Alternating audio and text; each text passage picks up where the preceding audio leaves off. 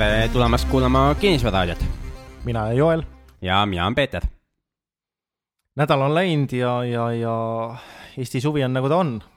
aga ma siin mõtli-, mõtisklesin sellist asja, et äh, lugen raamatuid ja värke, et äh, räägitakse, et esimese miljoni tegemine on, on keeruline, et peale seda siis järgmised on, on kergemad, et kui kaugel sul on see miljonäri staatus? no mul on juba sada triljonit olemas. Mis asja? Zimbabwe dollarites. ahaa, ahaa noh, selge. et äh, kõik on suhteline, eks ju, et mis, mis miljonitest me räägime. aga miljonist eurost on nagu veel suht, suht-koht kaugel. jah, ja, ja miks selline sissejuhatus, siis tänane teema on inflatsioon. ja Zimbabwe sada triljonit ongi, ongi tänu inflatsioonile just, ja kes ei ole näinud nagu saja triljonist või ei ole enda käes hoidnud, siis äh, minu arust David vist müüb neid äh, endiselt äh, saja triljonilisi rahatähti. jah, see vist kolmkümmend kaks eurot on see hind, kui ma ei eksi. ahah, see tõusnud, kui mina ostsin, oli nelisada viiskümmend krooni. ehk siis selle rahatähe hind ka tõuseb ajas tundub küll, jah. ja inflatsioon, et mis see on? Inflatsioon on raha või õigemini valuuta väärtuse langus. ahah, ja aga kas see võib ka mingi muu asjaga toimida, inflatsioon? no ikka, põhimõtteliselt kõik, ta ei, ta ei pruugi olla ju ainult valuuta, see võib olla ka või, või mis sa mõtled selle all? ma ise mõtlen, et inflatsioon, eks ju, kui see on mingi asja väärtuse langus, eks ju, sellepärast et seda asja tekkis juurde. jah, või nõudlus näiteks kasvas või? nõudlus kasvas, siis ja. hinnad nagu tõusevad. tõusevad, eks ju. eks ole, ja tulebki inflatsioon. aa, ja inimesed maksavad rohkem, eks ju. okei okay., et kas inflatsioon võiks siis toimuda mõne muu asjaga ka kui rahaga? no kõikide asjadega. et eh, näiteks ma ise mõtlen seda, et kui ma ei tea, neid igasugu mobiile erinevaid, igasuguseid on juurde tulnud, et räägitakse küll, nimetatakse seda konkurentsiks ja hind langeb, aga üldse kogu elektroonika valdkonnas tegelikult ju toimub ka pidevalt inflatsioon, ehk selle, need asjad lähevad pidevalt järjest odavamaks, mida rohkem neid äh, toodetakse, mida rohkem juurde tekib, seda odavamaks läheb. jah, sellest äh, mobiiliärist, eks ole, ma tean suhteliselt palju ja vähemalt ise arvan, et jah, et kui me vaatame tagasi kümme, viisteist aastat, siis tegijad olid ainult Motorola, Nokia ja Ericsson, võib-olla mõned muud olid ka seal vahepeal, Sony ja Siemens ja edasi, edasi. aga tänane päev tegijaid on päris palju ja, ja tegijaid on nii läänest kui idast ja alati, kui tuleb keegi, kes suudab eh, kas rohkem pakkuda või odavamalt pakkuda, siis ta automaatselt viib ka teiste hinnad alla, sellepärast et kui nüüd üt-, ütleme, tuleb Hiina, Hiina firma Huawei või ZTE tuleb siia Eesti turule ja siiamaani siin keskmine mobiili hind oli võib-olla kolmsada eurot ja nemad tulevad saja viiekümne eurose telefoniga siis teiste müük langeb, juhul kui nad ei langeta oma hinda või ei too mingit lisaväärtust, millega nad siis erinevad sellest odavamast telefonist.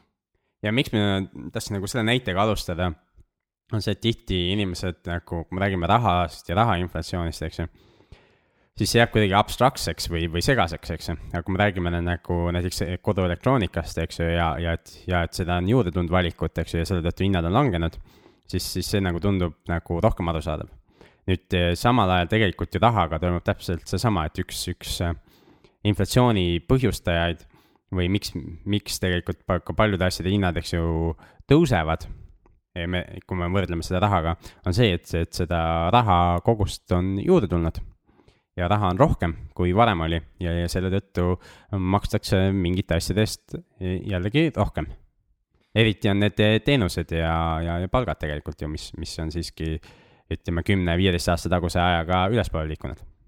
jah, ja inflatsioon eri, eri geograafilistes kohtades on erineva kiirusega, näiteks Eesti on olnud äh, Euroopas üks kiiremaid, kiirema inflatsiooniga maid ja vist tänapäevalgi on selline. ja just jah, mõni, mõni aeg tagasi vaatasin nagu eelmise aasta inflatsiooni, siis me olime kas Euroopas, kas teisel kohal või kolmandal kohal nagu inflatsiooni kiiruse poolest. aga seda tihti nimetatakse siis ka kohanemiseks ülejäänud e-, euro, eurotsooniga või ülejäänud Euroopaga. jah, ja, ja selline natukene võib-olla naljakas näide, aga inflatsioon tekib ka sellest, kui Eesti ehitaja läheb Soome tööle, saab seda äh, kõrgemat palka seal ja tuleb siis nende eurodega tuleb Eestisse, tal on rohkem raha maksta ja, ja müüjad muidugi panevad tähele ja tõstavad hindasid. just, et äh, väikses külapoes on kuulnud, et ahaa, see tüüp tuli just sealt tagasi, eks ju. Tõstame kohe hinda või küsime tema käest rohkem. Et lihtsalt poes võib-olla on natuke keerulisem seda teha, aga, aga ma ei tea, mingi juuksur või, või kes iganes muu nihuke, kui tal ei ole, täna neil peab kõigil hinnakiri väljas olema, aga siis, kui veel ei pidanud olema hinnakiri väljas, siis rõhutas rohkem seda, et, et näo järgi. Äh, küsiti, küsiti tasu. noh, tänapäeval ju taksodes ja välismaalastega on sellist kõrget hetkelist inflatsiooni nä-, nä-, näha päris tihti, mis tähendab praktiliselt see, et lihtsalt tõmmatakse inimeste käest rohkem raha, aga noh, see, see ei ole enam selline inflatsiooni teema, see on hoopis teine teema ei, aga see on, iseenesest on see hea näide, et, et hetkeline inflatsioon, et, et kui läheb eestlane, eks ju, taksoga sõitma ja, ja, ja ma ei tea, võimelinegi maksma viis või kümme eurot selle eest, eks ju, ja taksojuht küsibki viis või kümme eurot, eks ju. nüüd ta vaatab, et tuli välismaalane, eks ju, ja, ja küsib tema käest viiskümmend, eks ju, ja välismaalane maksabki viiskümmend, noh, siis, siis sisuliselt sama teenuse eest, eks ju, siis äh, lihtsustatult võttes ongi inflatsioon toimunud kui see nüüd ei oleks just vastu, noh, ütleme kuritegelik lause, eks ju mm. -hmm. ja, ja tähendab inflatsioon, eks ole, see on, see on selline palju, paljud inimesed nagu ei saa, saa sellest aru ja tegelikult ongi noh, see kogu see teema on suhteliselt selline. kuule, ma ise ka ei saa vahest aru sellest suhteliselt... me räägime, et paljud ei saa aru, aga, aga endalgi vahest on ju, ju, ju keeruline kogu seda asja lahti mõtestada, kus see ikkagi tekib ja kuidas. Aga praegu räägitakse inflatsioon või tähendab, Euroopa Keskpanga selline äh, üks nagu eesmärkidest on hoida inflatsioon seal circa kahe protsendi ringis, eks ole. just. eks ole, ja Ameerikas vist oli sama või no midagi sellist. Ameerika Keskpangal pidi olulisem olema see tööga hõivatuse suurendamine ehk tööpuuduse vähendamine on nagu eespool ja siis inflatsioon on nagu teisejärguline. aga Euroopa Keskpanga esimene eesmärk peaks olema siis seda inflatsiooni hoidmine kahe protsendi juures. et kui seda nagu mõelda, et kui see on eesmärk, et hoiame kahe protsendi juures, siis see tähendab seda, et kui sul on esimene jaanuar on taskus sada raha mm, -hmm. siis aasta pärast sul on taskus üheksakümmend kaheksa raha. no reaalselt on mul ikka sada raha seal, aga, aga ma saan selle eest siis, siis vahepeal on juhtunud niisugune asi nagu ostujõu vähenemine. ehk et ma saan selle eest osta sama palju asju, kui, kui aasta tagasi oleks saanud üheksakümne kaheksa raha eest osta. ja kui läheb aasta mööda, siis sellest üheksakümne kaheksast väheneb jälle see kaks protsenti ja nii edasi, nii edasi, eks ole jah, aga kaks protsenti on nagu väike ja seda ei pane tähele, eks ju, inim-, inimesed noh, et see reaalelus kajastub siis võib-olla mingisugune, ma ei tea, äh, mõnesendistes, mõne eurostes hinnakasvudes, eks ju, millega nagu harjub ära ja ei panegi tähele. aga kui see inflatsioon on viis protsenti, nagu ta Eestis praegu on, siis, siis inimesed panevad seda rohkem tähele ja viis protsenti on niisugune keskmine inflatsioon, eks ju. see tähendab seda, et mõned asjad kas-, mõnede asjade hinnad kasvavad oluliselt kiiremini. ja mõned oluliselt aeglasemini. just. või ei kasva üldse või isegi langevad. jah, mõne hinna, mõne asja hinnad võivad tõesti langeda ja, ja me räägime, et inflatsioon on kaks protsenti või kolm protsenti või mis iganes lehed kirjutavad seda, siis on oluline on ka aru saada, et kuidas seda arvutatakse, et mina ise ei ole ekspert, aga nii palju, kui ma olen aru saanud, siis on mingisugused tooted, nii-öelda ostukorv mm, -hmm. eks ole, sinna pannakse mingisugused tooted, mis meil nüüd vaja on, ma ei tea, piim ja leib ja liha ja mis iganes.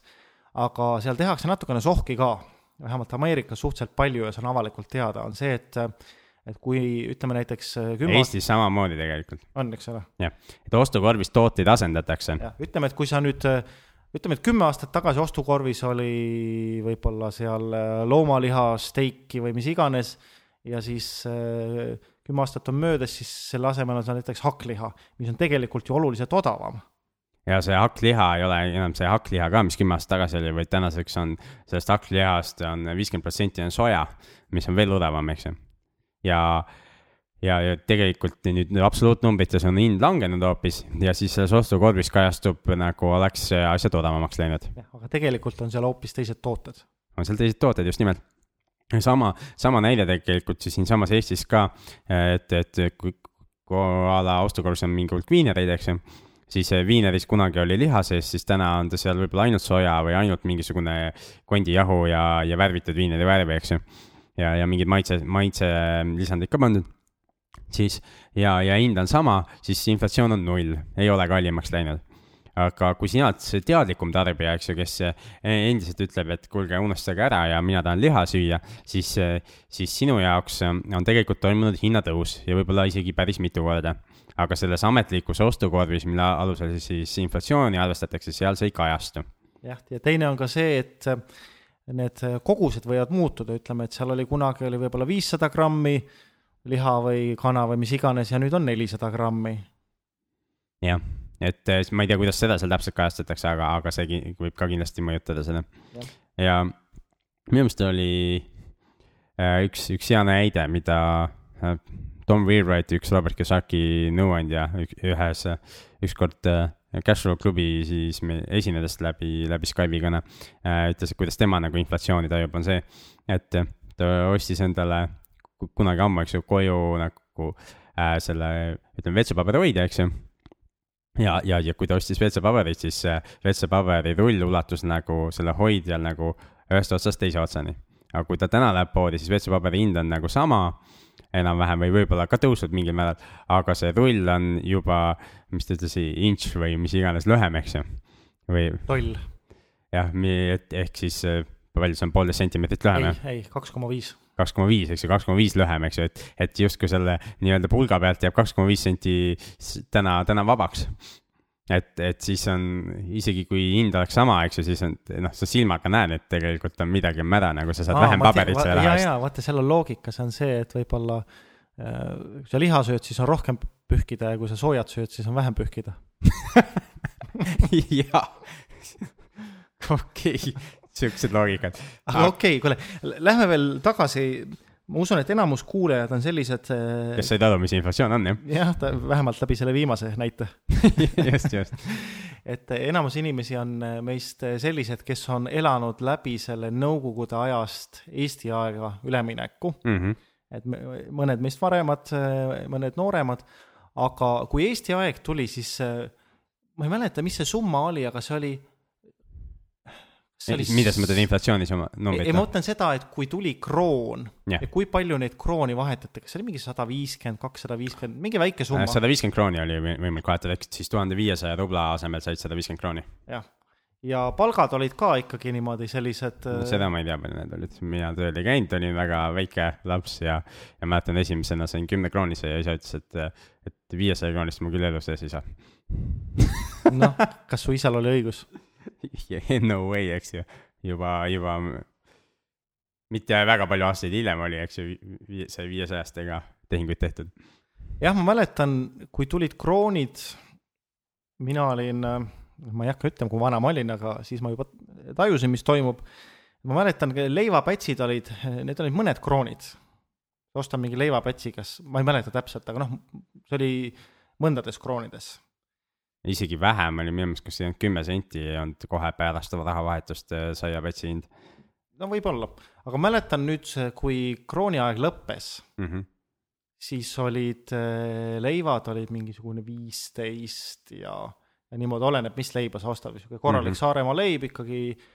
kus on leib. nagu leib ka sees, mitte ainult mingi aseained ja. no ikka, ikka, et need olid ikka mingisugune kaheksateist ja niimoodi mm. -hmm. olet-, oletame, et tõesti oli krooni aja alguses seesama päts oli üks kroon mm. -hmm. ja nüüd krooni aja lõpul see oli kaheksateist. siis tegelikult hinnad on kaheksateist korda kasvanud. kaheksateist korda, palju see protsentides on? mis, kaheksateist korda, tuhat kaheksasada või? et tegelikult ju, kui see üleminekuaeg aeg toimus, siis ühel aastal minu, minu mäletamist mööda oli juba inflatsioon üle tuhande protsendi. ehk siis hinnad tegelikult kümme, kümme korda kasvasid nagu üsna lühikese aja jooksul aga me oleme pikalt rääkinud, mis see inflatsioon on, aga võiks nüüd eh, pöörata tähelepanu, et kuna me ikkagi oleme kinnisvararaadio, et kuidas see kinnisvara teemaga kokku haakub ja, ja kuidas kinnisvarainvestor siis inflatsioonist kasu või kahju saab?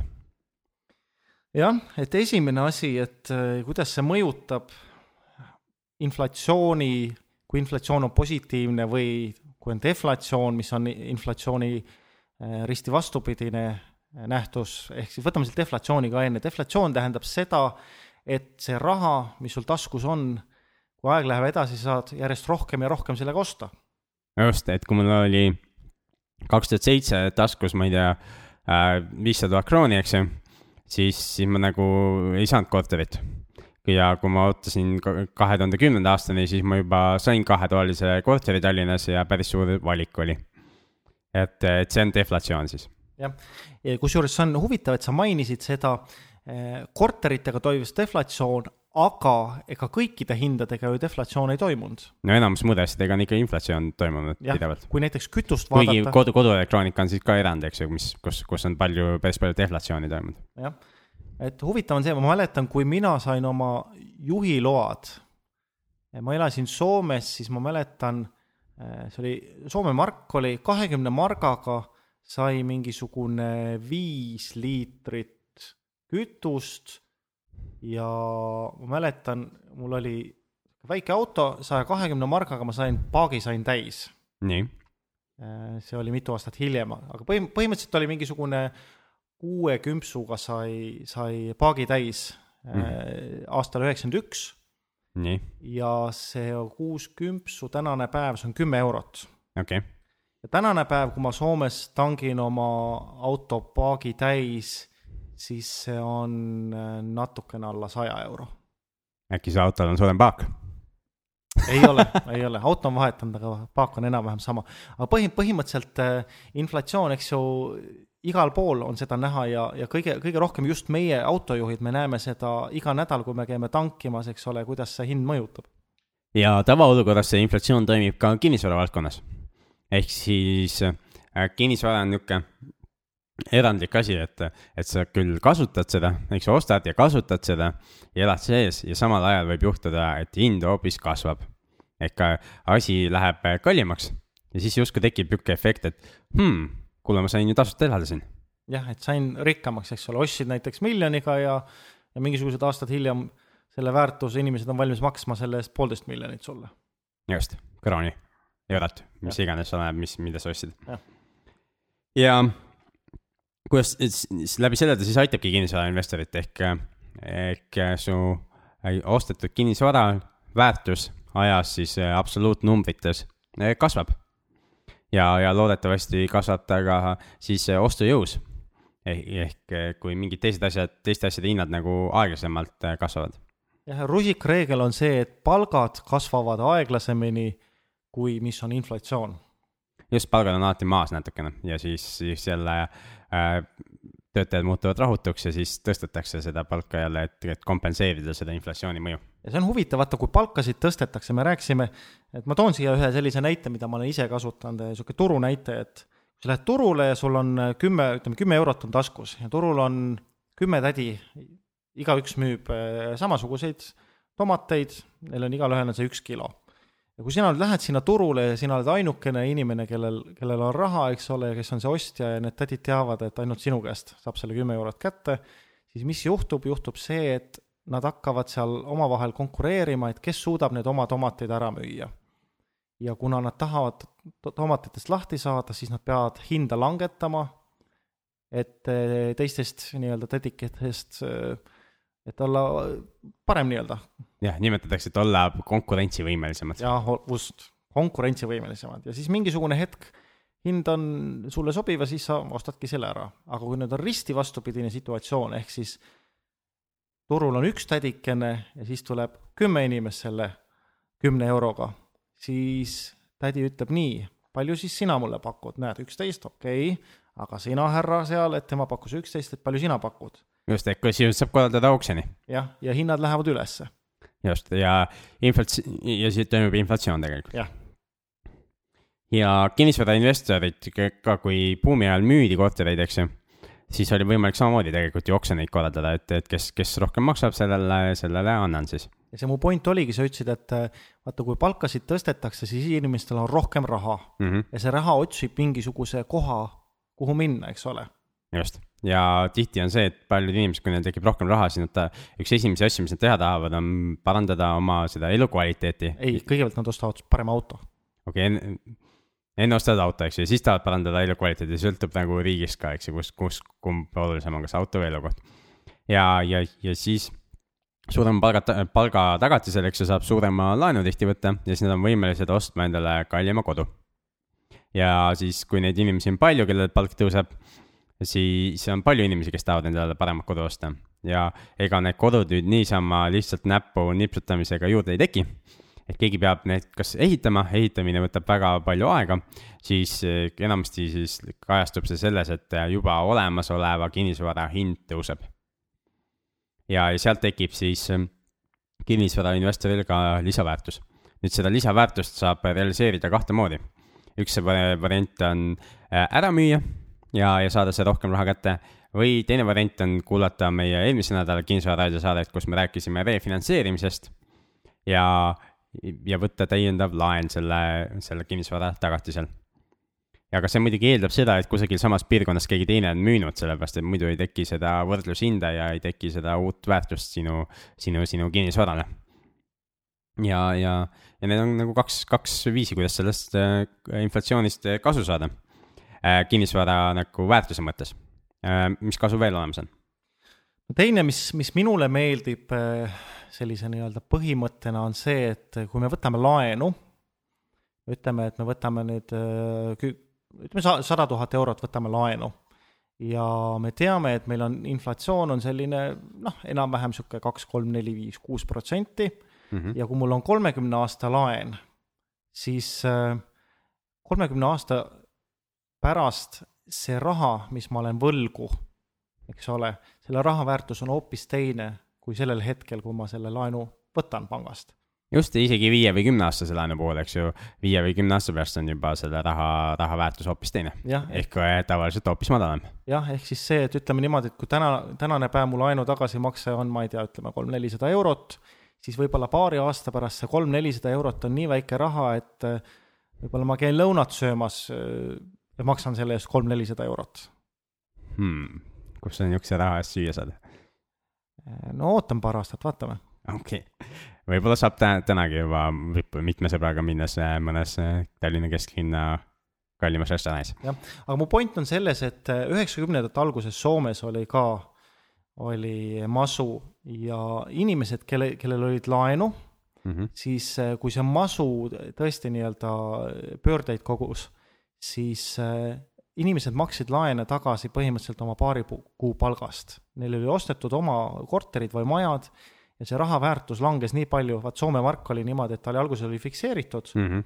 aga siis ta lasti, lasti nii-öelda vabalangusse turul okay.. ja raha väärtus langes nii palju, et need laenud, mis inimestel jäid, need numbrid jäid samaks mm, -hmm. aga mhm. see raha väärtus oli palju-palju väiksem ja nad lihtsalt paar-kolm kuud äh, hoidsid raha kokku ja maksid kogu selle laenu tagasi, selle asemel, et maksta järgmised kakskümmend, kolmkümmend aastat iga kuu ütleme, ma ei tea, kümme protsenti oma sissetulekutest või kakskümmend protsenti sissetulekutest, nad natukene pingutasid ja maksid eh, paari kuuga selle laenu ära ja see on just see, mis minule inflatsiooni juures meeldib. sa ise nägid seda? tollal, sul ei olnud kinnisvara? ei. vot, et siis tihti raamat, mida meil Joeliga on käsil, Equity Happens, on seal raamatu autor Robert Helms küsib, et kui, ja küsimuse korduvalt ja, ja ka ma olen teda ka esinemas näinud ja küsimas seda, et, et kui palju sa, sul on võimalik teenida kinnisvara pealt, mida sa ei oma. ja vastus vist on. null, mitte midagi. mitte midagi, eks ju, sul ka midagi ei olnud äh,. et ja ehk siis see laenumakse, eks ju, intressid võivad kasvada inflatsiooni kiirenedes, aga see laenumakse jääb nagu võrreldes mingite muude hindadega järjest väiksemaks ja vähem olulisemaks. ja üks asi tegelikult, kui me vaatame inflatsiooni, kus, kus ta täna kajastub, väga huvitavat on, äh, on Tallinnas ja Tartus, ma teiste piirkondade kohta nii väga ei tea, äh, on üürihindades. et just sattusin lugema mõned nädalad tagasi siin artiklit, et et oli toodud, et üürihinnad on aasta jooksul Tallinnas kasvanud kakskümmend kuni kakskümmend viis protsenti ehk tegelikult on üürihindades toimunud inflatsioon. jah, aga küsi, ma küsin, et kui mitmel inimesel on palk tõusnud kakskümmend protsenti? vot seda mina ei tea. no ma arvan, et eh, kohe mitte kõikidel, vähem kui poolel kohe kindlasti. just, ja, aga üürid on üles läinud. Ja samal ajal tegelikult on kasvanud ka küttekulud ja, ja, ja, ja igasugused muud asjad. noh, sisuliselt tähendab, et üürivad inimesed saavad siis äh, täna üürida kas äh, halvemas asukohas või siis väiksema pinna, kui nad seda äh, aasta aega tagasi tegid või varem tegid, eks ju. ja aga ütleme, kinnisvarainvestorina see on hea, eks ju, et inflatsioon üürides toimib ja üürisummad, eks ju, kasvavad ja samal ajal, eks ju, mu laenumakse väheneb, sellepärast et intressid on ju täna vähenenud ehk siis see positiivne rahavoog äh, kasvab. ja, ja positiivse rahavooga saab jälle teha kahte asja, kas lihtsalt ära kulutada äh, või siis äh, säästa või siis kolmanda asjada kuulata jälle eelmise nädala saadet, kus me rääkisime refinantseerimisest, et võtta mingisugune täiendav laen ja, ja, ja selle täiendava laenuga siis kas siis edasi investeerida või kulutada või teha midagi. sa mainisid sõna, et selle rahaga saab teha näiteks sellist asja nagu säästa. Et mis toimub rahaga inflatsiooni ajal, mis sul on säästudes? et sääst-, säästjatega on nagu väga lihtne lugu, et äh, lugege nagu siin ka nädala poolteise taguseid Äripäevi või, või, või, või ikka värskemaid. ja kirjutavad ka juba, et noh, et hoiustamine muutub tõesti mõttetuks. et hoiuse intressid lähenevad nullile ja muutuvad järjest madalamaks, eks ju, ja pluss on veel see, et inflatsiooni tõttu su raha ostujõud väheneb ehk et mida kauem sa raha enda käes hoiad, seda vähem, vähem kaupa sa selle raha eest saad. huvitav on see, et eh, sa mainisid, et eh, hoiuse intressid lähenevad nullile, tegelikult võivad minna intressid ka negatiivseks. jah, et see on ka kummaline, et, et äh, lugesin siin just äh, meie saate tegemise eel et Prantsusmaa müüs oma riigi võlakirju negatiivse intressiga et intressiks oli miinus null koma null viis ehk inimesed saavad nagu vähem raha tagasi, kui nad andsid nagu riigile. jah, seda on ka teised riigid, minu arust Taani tegi seda ja Šveits on seda teinud ja nii edasi, nii edasi. aga, aga... huvitav, nüüd võib tekkida küsimus, et mis, mis neil inimestel viga on, eks ju. et nad annavad nagu riigile raha ja, ja on nõus sellega, et nad saavad vähem tagasi. kus on väike summa, siis, siis ei saagi, siis võib-olla ei olegi see probleem. aga kui sa mõtled natukene suuremalt, et kui sul on mingi suur summa raha või siis sinu käes on suur summa näiteks pensionäride raha, siis äh, kusagil äh, kontol seda hoida tundub ka riskantne, sellepärast et ei tea kunagi, mis pankadega juhtub, eks ju. ja hoiused on ju tagatud ainult, kas oli sada tuhat eurot piires või midagi niisugust, või oli siis, või oli kakssada viiskümmend nüüd. et mi-, ühesõnaga mingi piiratud summa on tagatud, eks ju, sest ülejäänud sa võid kõik ilma jääda, kui see pank peaks pankrotti minema, kus kus sa raha hoiad. ja, ja kui sul on ikkagi äh, miljoneid eurosid näiteks, siis siis pigem ongi, et ma ei julge seda kontol ka hoida. ja siis kuhu ma ta panen, kuhu ma ta panen, eks ju. okei okay,, riik tahab mu käest raha saada, et ta hoiaks, aga ma ikka usun, et see riik veel eksisteerib äh, pärast ja annab mulle ikkagi selle vähem raha vähemalt tagasi, eks ju. noh, ja siis sealt tekibki see, et ollakse valmis andma riigile raha, et okei okay,, riik kasuta ja, ja anna mulle vähem tagasi, aga vähemalt anna tagasi. jah, ja nüüd, kui mõtleme seda, et kui inflatsioon ka tõuseb, eks ole, äh, sa maksad põhimõtteliselt äh, riigile peale, et nad võtavad su raha ja annavad sulle, ütleme, kümne aasta pärast tagasi vähem. ja siis on veel inflatsioon, mis sööb sealt tükikese ära mm. -hmm. ehk siis lõppude lõpuks siis see, mis Kiyosaki, Robert Kiyosaki kogu aeg ütleb, et savers are losers. eks säästjad on kaotajad. jah, et eh, sellises olukorras see tundub tõesti niimoodi, eks ju, kellelgi meil ei ole kristall, kristallpalli, me ei tea, mis on situatsioon viie aasta pärast.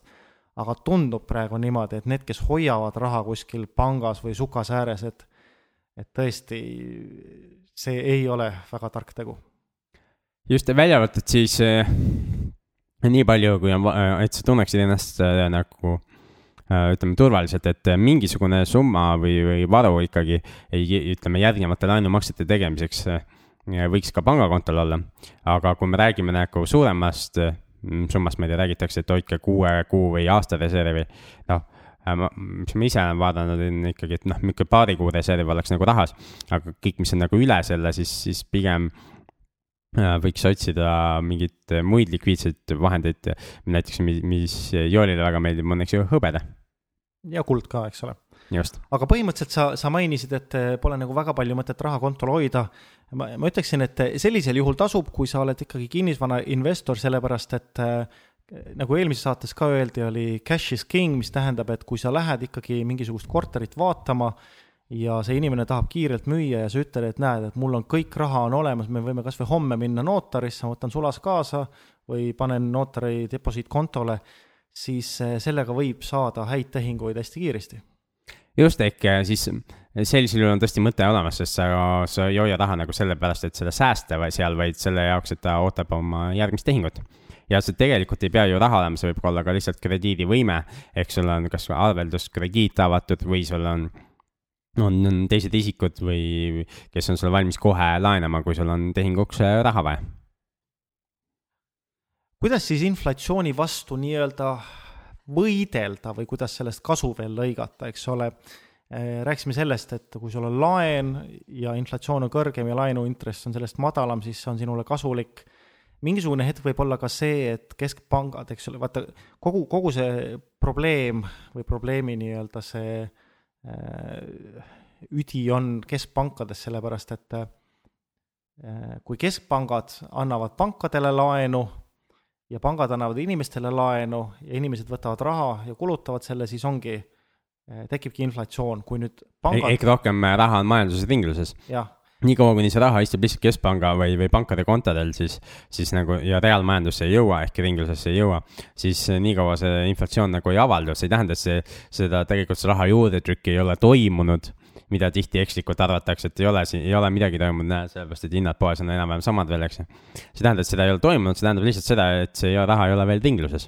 jah, ongi, kui nüüd praegu vaadata, eks ole, Euroopas on keskpank ja selle uus juht on, kas oli härra, härra Draghi, jah? Draghi, jah. jah, ja Ameerikas on eh, Ben Bernanke mm. -hmm. et et äh, mõlemad keskpangad on tegelikult pumbanud äh, majandusse meeletuid summasid rahasid ja see on hoopis teine teema, et kuidas see toimub, et selle mm -hmm. kohta ma arvan, me teeme siin sügisel ka ühe koolituse, et kuidas keskpangad toimuvad ja kogu rahasüsteem. Aga, aga, aga lühidalt öeldes äh, ongi, asi on selles, et mis, mis nagu probleem praegu on, öeldaksegi, et majandust tuleb elavdada, et majandus on jäänud toppama. Et kuidas siis majandust elavdatakse, ongi see, et laenatakse raha välja ja keskpangad siis laenavad kommertspankadele raha, aga kui kommertspank raha edasi inimestele või äridele ei anna, siis lõppude lõpuks siis päriselus see raha on ikkagi, meil on likviidsusprobleem, ehk siis seda raha ei ole. kui nüüd Peeter teeb uue firma ja tahab, ma ei tea, näiteks teha Eesti, üle Eesti sellise kebapi firma ja tahab neid kebapi autosid siia osta ja kui pank talle laenu ei anna, siis äri ei saa teha. just, et jääb ettevõte alustamata. jääb ettevõte alustamata, eks ole. või siis laiendamata. jah, ja nüüd seda raha on keskpangad, pankade poolt trükitud päris palju, mingisugune hetk kaob see likviidsuskriis ära, mingisugune hetk pankadel tuleb jälle, ahnus tuleb peale, see Äh, usaldamatus kaob ära ja siis see raha jõuab äride ja inimeste kätte ja siis muidugi on oodata, et hakkavad hinnad tõusma. just ja, ja minu meelest kevadel meil oli Cashflow klubis käis üks äh, inimene, kes kunagi on keskpangas töötanud ja, ja täna oli ka mingi teise, teise panga nagu ju, juures seal tegeles analüüsimiste ja asjadega. ja sellel inimesel oli väga huvitav arvamus, ta ütles, et et, et see viimane kriis nagu võrreldes, võrreldes järgmise kriisiga oli nagu niisugune lapsemäng, niisugune väike asi, et, et see, see kriis, mis nüüd järgmisena tuleb või, või, või see buum, mis järgmisena tuleb enne kriisi, eks ju, et see järgmine buum saab olema ikka kordades ja kordades suurem kui, kui eelmine buum, sest lihtsalt tegelikult on juba nii palju raha keskpankade poolt juurde süsteemi puumatud, see on lihtsalt kusagil kommertspankades veel ja ei ole ringlusesse jõudnud, aga kui see peaks nüüd nii-öelda mass, massiliselt ja massiivselt korraga ringlusesse hakkama jõudma, et siis, siis see eelmine buum oli nagu väike asi ja kui sina investor, eks ju, kui sina investorina nüüd äh, oled olukorras ja pead mõtlema, et mis ma teen, et kas ma nüüd äh, ostan korteri, ei osta korteri, kas ma maksan oma laenu tagasi või ei maksa, tasub äh, mõelda, et kui see, mida me siin rääkisime, et kui see vastab tõele, et siis millised on need tegutsemise viisid, mis, mis nagu peaks tegema just samal ajal me ei saa garanteerida, et see niimoodi juhtub, eks ju. absoluutselt mitte. et enne seda võib tulla ka kriis ja võivad hinnad ju langeda ja võib, võib, võivad ikka üürid langeda ja, ja võib kõik vastupidi minna. ja, ja sellisel juhul, kui sa oled võtnud maksimaalse võimenduse ehk võimalikult palju laenu ja su laenumaksed saavad olema suuremad kui üüritulud ja, ja sul ei ole kusagilt mujalt seda raha võtta, siis, siis võib vabalt ikka kõik vastupidi minna, sa võid sattuda ka väga halba olukorda. ja kus kusjuures ja lisaks sellele on võimalik ju veel ka see, et ütleme, et, et osadel meist läheb hästi ja teistel ei lähe nii hästi. et ja mida ma sellega mõtlen, see on võib-olla ka eraldi saate teema, aga, aga saades aru, mis üldiselt taustal toimub, sa nüüd mõtled, et oo, ma lähen ostan kinnisvara, üürin välja ja, ja, ja kõik on lill ja pidu. siis tegelikult äh, aeg-ajalt ikkagi kuuleme ka inimestest, eks ju, kes, kes tegelikult ei tea, mida nad teevad ja, ja satuvad sellesse olukorda, kus, kus nende see üürimistegevus ei lähe kõige edukamalt. ja äh, kas, kas siis ei maksa üürnik või siis lammutab veel midagi ära või, või tekivad mingisugused täiendavad kahjud, eks ju. ja, ja, ja siis kogu, kogu see asi nagu kukub kokku ja tekivad suured pettumused, et ka kõik see on nagu võimalik. jah, ja selle jaoks ongi vaja ennast harida, et enne kui sa midagi teed, siis mingisugune, mingisugune teadmi-, teadmine, teadmiste pagas, vähemalt teoreetiline teadmiste pagas võiks olla ja kindlasti tasub rääkida nende inimestega, kes on juba asju teinud. just ja sa, meie käest saate ka küsida, näiteks saatke meile email ja, ja mõne nädala pärast äh, mingis saates me arvatavasti vastame nendele küsimustele ja, ja meie maili aadress on. saade at kinnisvararaadio.ee et saade et kinnisvararaadio.ee, sinna võite saata meile alati küsimusi ja rääkida oma probleemidest ja situatsioonidest ja, ja kui teil on ka üürnikega mingeid probleeme või, või, või mingisugust muud jama, et siis Äh, võite saata meile maili ja küsida, mis, mis teha, et me saame jagada äh, taaskord ainult ideid ja mõtteid ja, ja kindlasti me ei tegele nõustamisega. Äh, saates vähemalt mitte, et kui keegi tahab eraviisiliselt mingit nõu, nõu saada, siis, siis võime kohtuda ja rääkida sellest, aga, aga, aga saates me saame anda vähemalt niisuguseid mõtteid, mis meil tekivad, vaadates siis sinu, sinu probleemi või siis ka võimalus, sa võid ka küsida meie käest vabalt selle kohta, et, et panin midagi tähele, et kas sihukest asja tasuks teha või mitte teha, siis me saame öelda, mida me äh, veel sealjuures näeme ohtude ja võimalustena. ega ei saa jälle anda sulle soovitust, et osta või ära osta. see peab ikka jääma sinu enda otsustada. jah, me ei soovi saada kirju, kus keegi on tegutsenud meie saate järgi ja ei ole läinud kõige paremini ja siis on süüdistused aga kui me räägime usku, uskumisest, eks ju, see on puhas niisugune uskumine, mõni usub Jumalat ja mõni usub äh, midagi muud, eks ju. siis äh, kas sa äh,, mis sa praegu usud, vaadates nagu maailmas, et kas see inflatsiooni pigem nagu kiireneb või, või aeglustab? mina eeldan, et inflatsioon kiireneb. et miks, miks, miks ma niimoodi eeldan äh,? äh ma, ma, ma tõesti eeldan, et äh, need poliitikud, ähm, ma ei, mina olen see inimene, kes usub seda äh, konspiratsiooniteooriat. millist? mina usun seda, et, äh, et äh, on sellised, ütleme, selline hulk inimesi, kes tahab teha sellist, kuidas ma ütlen, New World Order on see inglise keeles. ehk siis tuleb nii-öelda maailm on ainult üks riik. okei okay., nii ja kuidas see, kas selle inflatsiooniga seotud on mm? -hmm. minu, minu teooria, mida mina usun, on selline, et ähm, mik-, miks on vaja inflatsiooni? inflatsiooni on vaja selleks, et äh, inimeste varad, säästud äh, muuta väärtusetuks. okei okay.. jah, aga meil on vaja deflatsiooni ka selleks, et need inimesed, kellel on laenud et nendelt varad ära võtta okay.. ja kuidas me saame varad ära võtta, on see. eks sa usud, et see, et meil oli mingi majandustõus ja langus, et see ei olnud juhus, vaid on, on pigem niisugune koordineeritud aktsioon? ma eeldan, et see on jah, väga tarkade inimeste poolt tehtud. okei okay. ja, ja loomulikult mulle see ei meeldi, et see niimoodi on, aga ma arvan, et eh, on maailmas asju, mida sa saad mõjutada mm, -hmm. siis eh, tee kõik, et sa saad mõjutada. see on üks asi, mida sa mõjutada ei saa ja kui sa asja mõjutada ei saa, siis pole mõtet muretseda, vaid äh, tuleb õppida aru saama, et kuidas sa selles olukorras äh, kõige paremini hakkama saad või sa, kuidas sa ennast äh, kaitsed või veel parem, kuidas sa sellest kasu saad. okei okay ja mis, mis mina usun, on see, et, et äh, Draghi ja, ja, ja kes see Fedi eesotsas oligi, Bernanke. Ben, helikopter Ben. helikopter Ben, jah. ma usun, et nad saavad oma tööga hakkama ja, ja, ja kui nad saavad oma tööga hakkama, siis nad teida, teevad seda, mis, mis on äh, nende asutuste eesmärk ja nende asutuste eesmärk on äh, inflatsiooni tekitada ja kui nad tekitavad inflatsiooni, siis inflatsioon toimub. ja, ja kui inflatsioon toimub, siis ma näen, et kinnisvara väärtused ja kõikide muude äh, niisuguste asjade väärtused peaksid kasvama. aga kindlasti ei kasva nad igal pool, et äh, kinnisvara väärtust mõjutab väga palju rohkem ka pakkumine ja nõudlus, eks ju. ja ja, ja on terve hulk ju piirkondi Eesti, Eestis ja mujal maailmas ka, kus inimeste ja elanike hulk nagu kasvab. mitte, vabandust, kahaneb. Et eh, kui ta kahaneb kiiresti, eks ju, siis, siis see kinnisvara jääb üle ja, ja temast ei ole mingit kasu, Eestis on maapiirkondi selliseid päris palju. ja, ja, ja ka väiksemaid linnu. et eh, üks, üks piirkond, kus, mille elanikkond veel kasvab, eks ju, on Tallinn.